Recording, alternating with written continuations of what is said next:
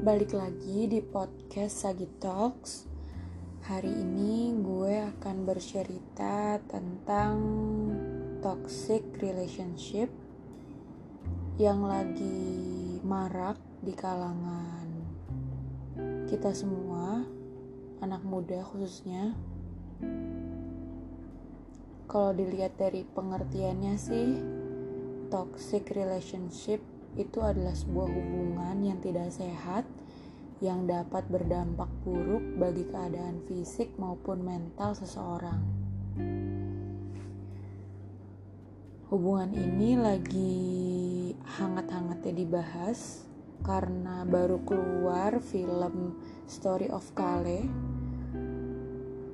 yang disutradarai oleh Angga.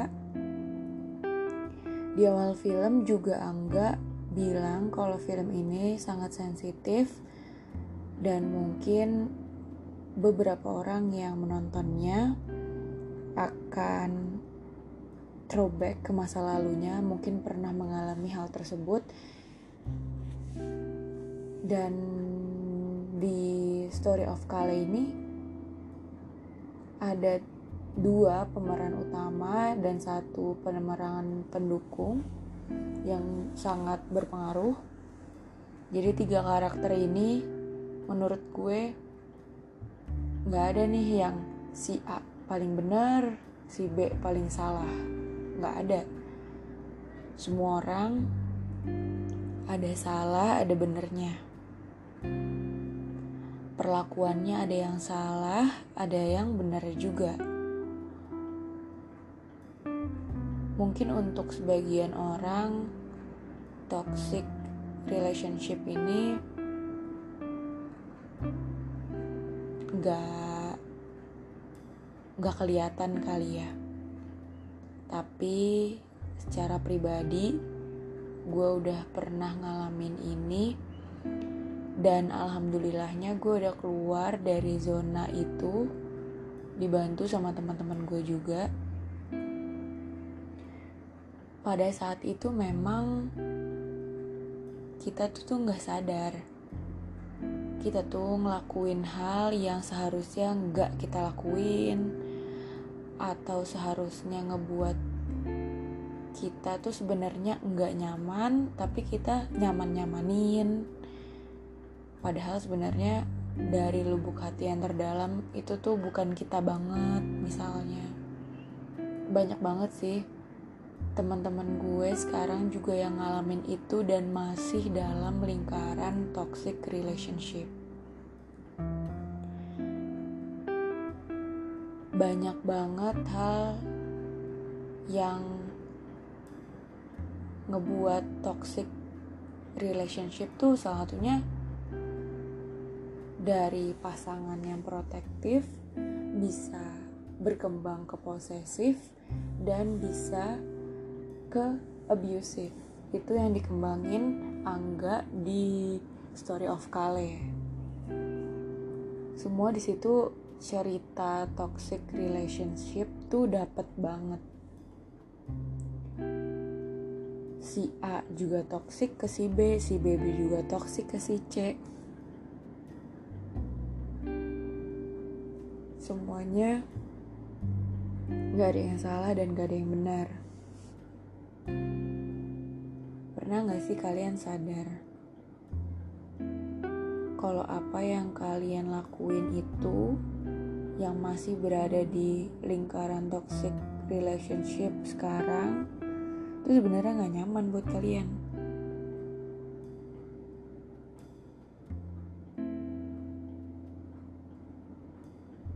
Misalnya kalian dilarang untuk kumpul-kumpul sama teman-teman kalian dan kalian harus 24 per 7 sama pacar kalian.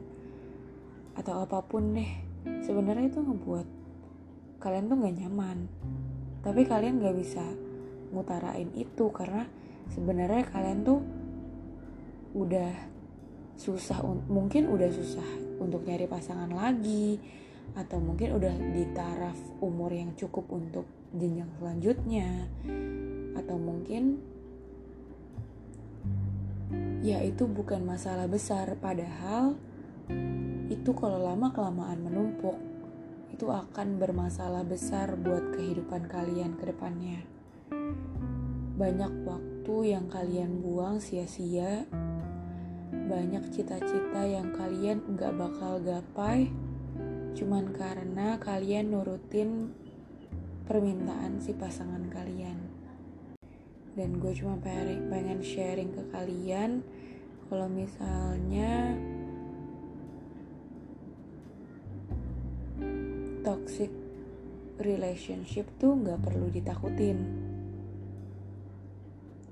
Itu sebuah hal yang wajar di hubungan, tapi kalian juga harus sadar kalau diri kalian itu sangat amat berharga. Apa pun itu, pokoknya sayangi diri kalian sendiri. Pikirin diri kalian sendiri, baru deh hal apa yang akan kalian lakuin ke pasangan kalian yang ngebuat mungkin hubungan kalian akan lebih sehat selanjutnya. Buat teman-teman yang sedang atau mungkin belum sadar kalau hubungan kalian itu toksik, coba deh kalian resapi, kalian pahami gue masih nyaman gak sih di hubungan ini? Gue masih ada gak sih di hubungan ini?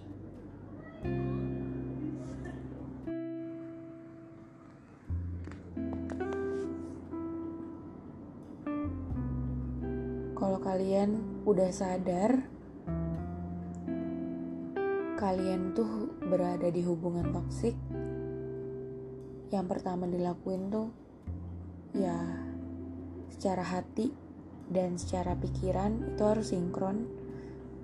Kalian akui kalau hubungan kalian itu toksik dan gak ada tuh yang berpikiran enggak sih kayaknya dia kayak gitu sesaat aja deh.